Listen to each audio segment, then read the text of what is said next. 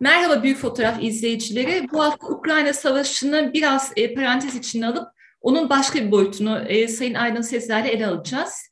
E, merhaba Sayın Sezer. E, Ukrayna-Rusya Savaşı'nın son dönemde Suriye'ye yansımaları konuşuluyor. Siz bu konu neler dersiniz?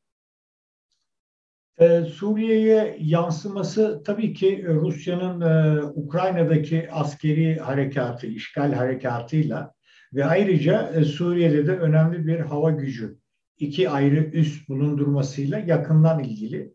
Fakat bundan daha önemlisi e, Türkiye ve Rusya'nın e, savaşın ilk gününden beri sergiledikleri yakınlaşma, e, işbirliği, karşılıklı anlayış çerçevesinde asıl bu boyutun Suriye'ye yansıması ve Türkiye-Rusya ilişkileri üzerinden Türkiye-Rusya Erdoğan-Esad ilişkilerine yansımasıyla ilgili e, bir takım e, sonuçlar beklenebilir.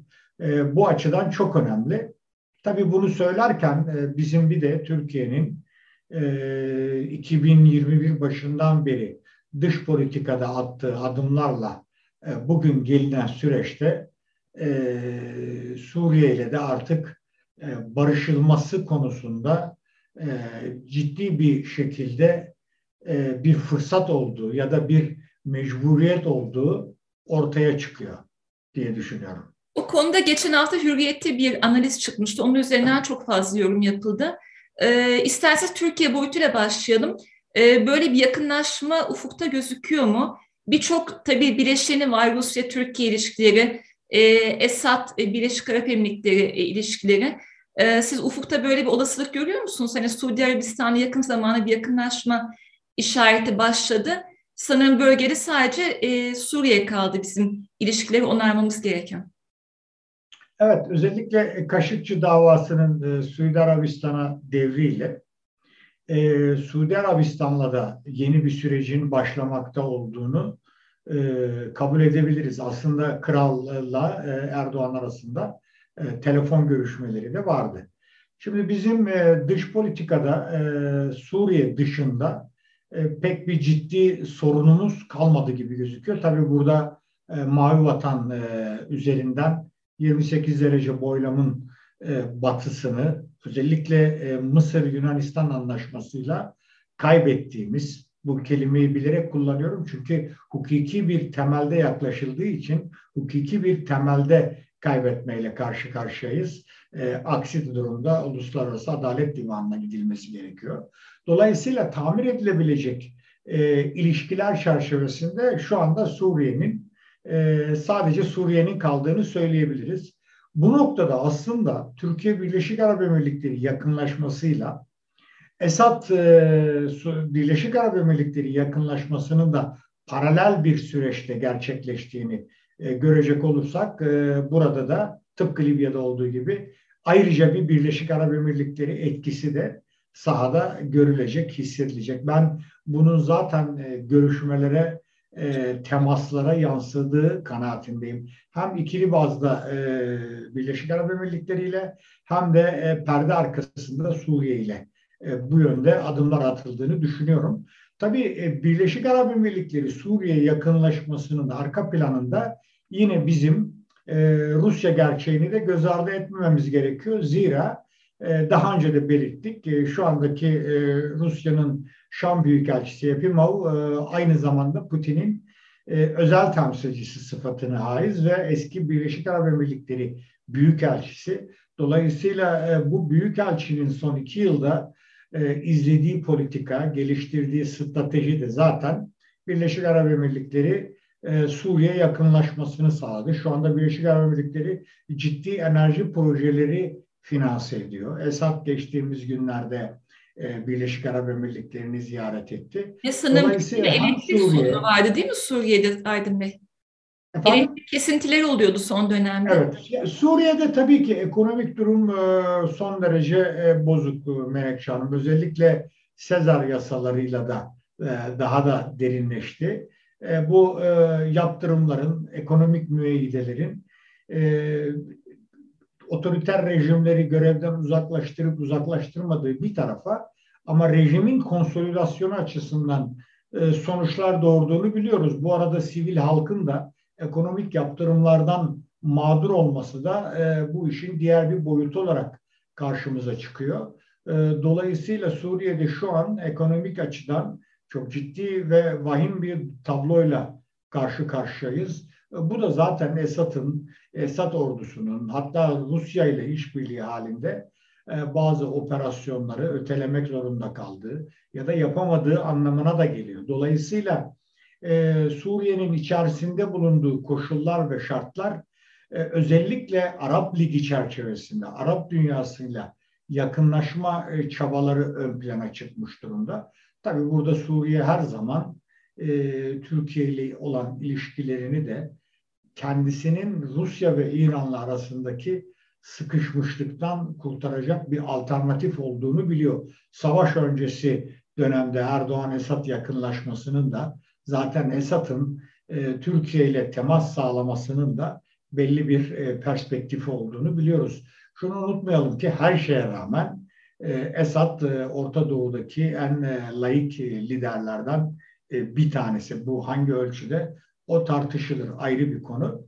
Ama tabii Suriye ile e, Türkiye arasındaki yakınlaşma konusunda özellikle halk, medya ya da bürokraside e, hala bir Türkiye aleyhine, e, Türkiye karşıtlığı e, temelinde e, bir süreç var. Türkiye'yi çok net bir şekilde işgalci olarak görüyorlar ve Türkiye ile barışılmasından Suriye'nin kazancının tam olarak ne olacağı sorusuna yanıt arıyorlar.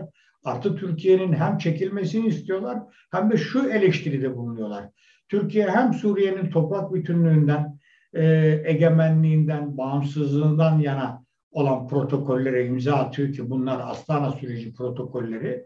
Hem de diğer taraftan içeride e, Suriye'nin bölünmesinin önünü açacak gelişmeler konusunda da farklı bir tavır sergiliyor. Burada Fırat'ın doğusunda farklı bir boyutta, batısında farklı bir boyutta özellikle İdlib özelinde. Dolayısıyla bu şekilde eleştiriler var ama şunu da söyleyelim ki Esad da 2023 seçimlerine aslında kitlenmiş durumda. Dolayısıyla e, Türkiye'de olası bir iktidar değişikliğiyle önümüzdeki bir yıl ya da 15 aylık bir süreç zarfında Suriye'de köklü bir politika değişikliğine zaten olası bir gelişme olarak bakıyorlar. Ama bugün e, Esad'ın e, Türkiye ile ilişkilerde e, Suriye özelinde Erdoğan'ın seçime giden e, Türkiye'de Suriye'ye yönelik atacağı adımlar da merakla bekleniyor. Bu da ayrı bir konu. Bunu şu açıdan söylüyorum. Türkiye-Rusya e, yakınlaşması özellikle e, Ukrayna Savaşı'ndaki tarafsızlık politikası nedeniyle hem işbirliğine yönelik bir takım fırsatları getiriyor Erdoğan hükümetine hem de gerekirse e, Fırat'ın doğusuna ta 19, 2021 yılı e, Eylül ayından bu tarafa Esad e, pardon Erdoğan e, Putin baş başa görüşmesinden bu tarafa gündemde olan olası bir harekat açısından da bir zemin hazırlıyor. Yani her iki yolda da e, Türkiye'nin seçim sürecinde Suriye politikasında e, daha çok konuşacağımız gelişmeler olacak diye bekliyorum. Peki Suriye ile olası bir yakınlaşmada e, Suriye'deki askeri üsleri kapatmak veya asker çekmek gibi şeyler gündeme gelir mi? Çünkü bunun da seçim öncesi bir iç politika maliyeti olur elbette. Bu e, şeklen gelebilir.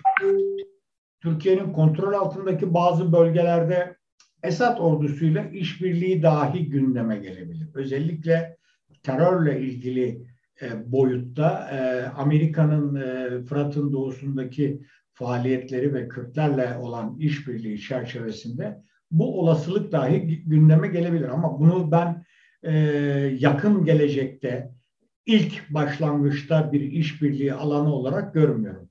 Ama seçime giden Türkiye'de sığınmacıların bir bölümünün geri gönderilmeye başlanması, Esad'la doğrudan olmasa bile Esad yönetimiyle temaslar kuruluyor olması, yani tıpkı Mısır'da, İsrail'de, Birleşik Arap Emirlikleri'nde, E, hatta işte Kaşıkçı dosyasının iadesiyle Suudi Arabistan'la sağlanmakta olan e, siyasi havanın, siyasi iklimin Suriye ile de e, yaratılması da ayrı bir katkıda bulunacak. Yani sertlik ya da barış arasında iki ekstrem noktada hangi adım atılırsa atılsın ben bunun AKP'nin seçim sürecinde iç politikada elini e, güçlendirecek e, iktidarı bir anlamda seçmen üzerinde konsolidasyon sağlayacak bir yapı olarak, e, bir gelişme olarak görüyorum. Zira zaten e, Sayın Kılıçdaroğlu da, Sayın Akşener de Esad'la e, temas edilmesi gerektiği noktasında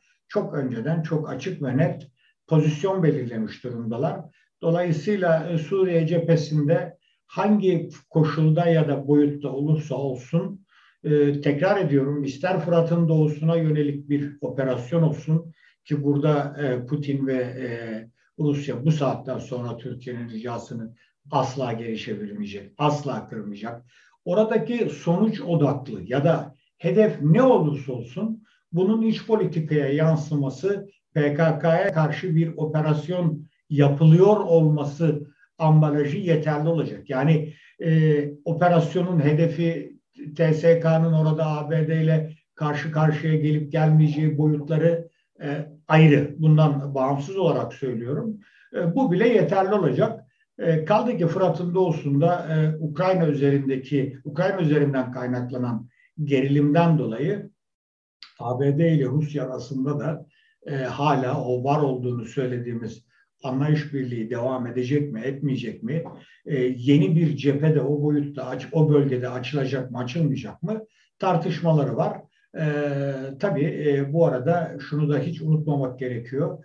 E, Türkiye'de AKP iktidarı dış politikayı ister gerginlik, ister e, askeri boyut, isterse barış e, süreçleri olarak e, kamuoyuna mal etmeyi, bunu kullanmayı ve bunun üzerinden algı yaratmayı çok net başarıyor. Yani bunu da e, muhalefet e, temsilcilerine e, dikkatine sunmak gerekiyor. Böyle bir gelişmeyle karşılaştıklarında tıpkı Ukrayna'daki tarafsızlık politikası gibi nasıl bir durumda kalacaklarını gözden geçirmeleri gerekiyor.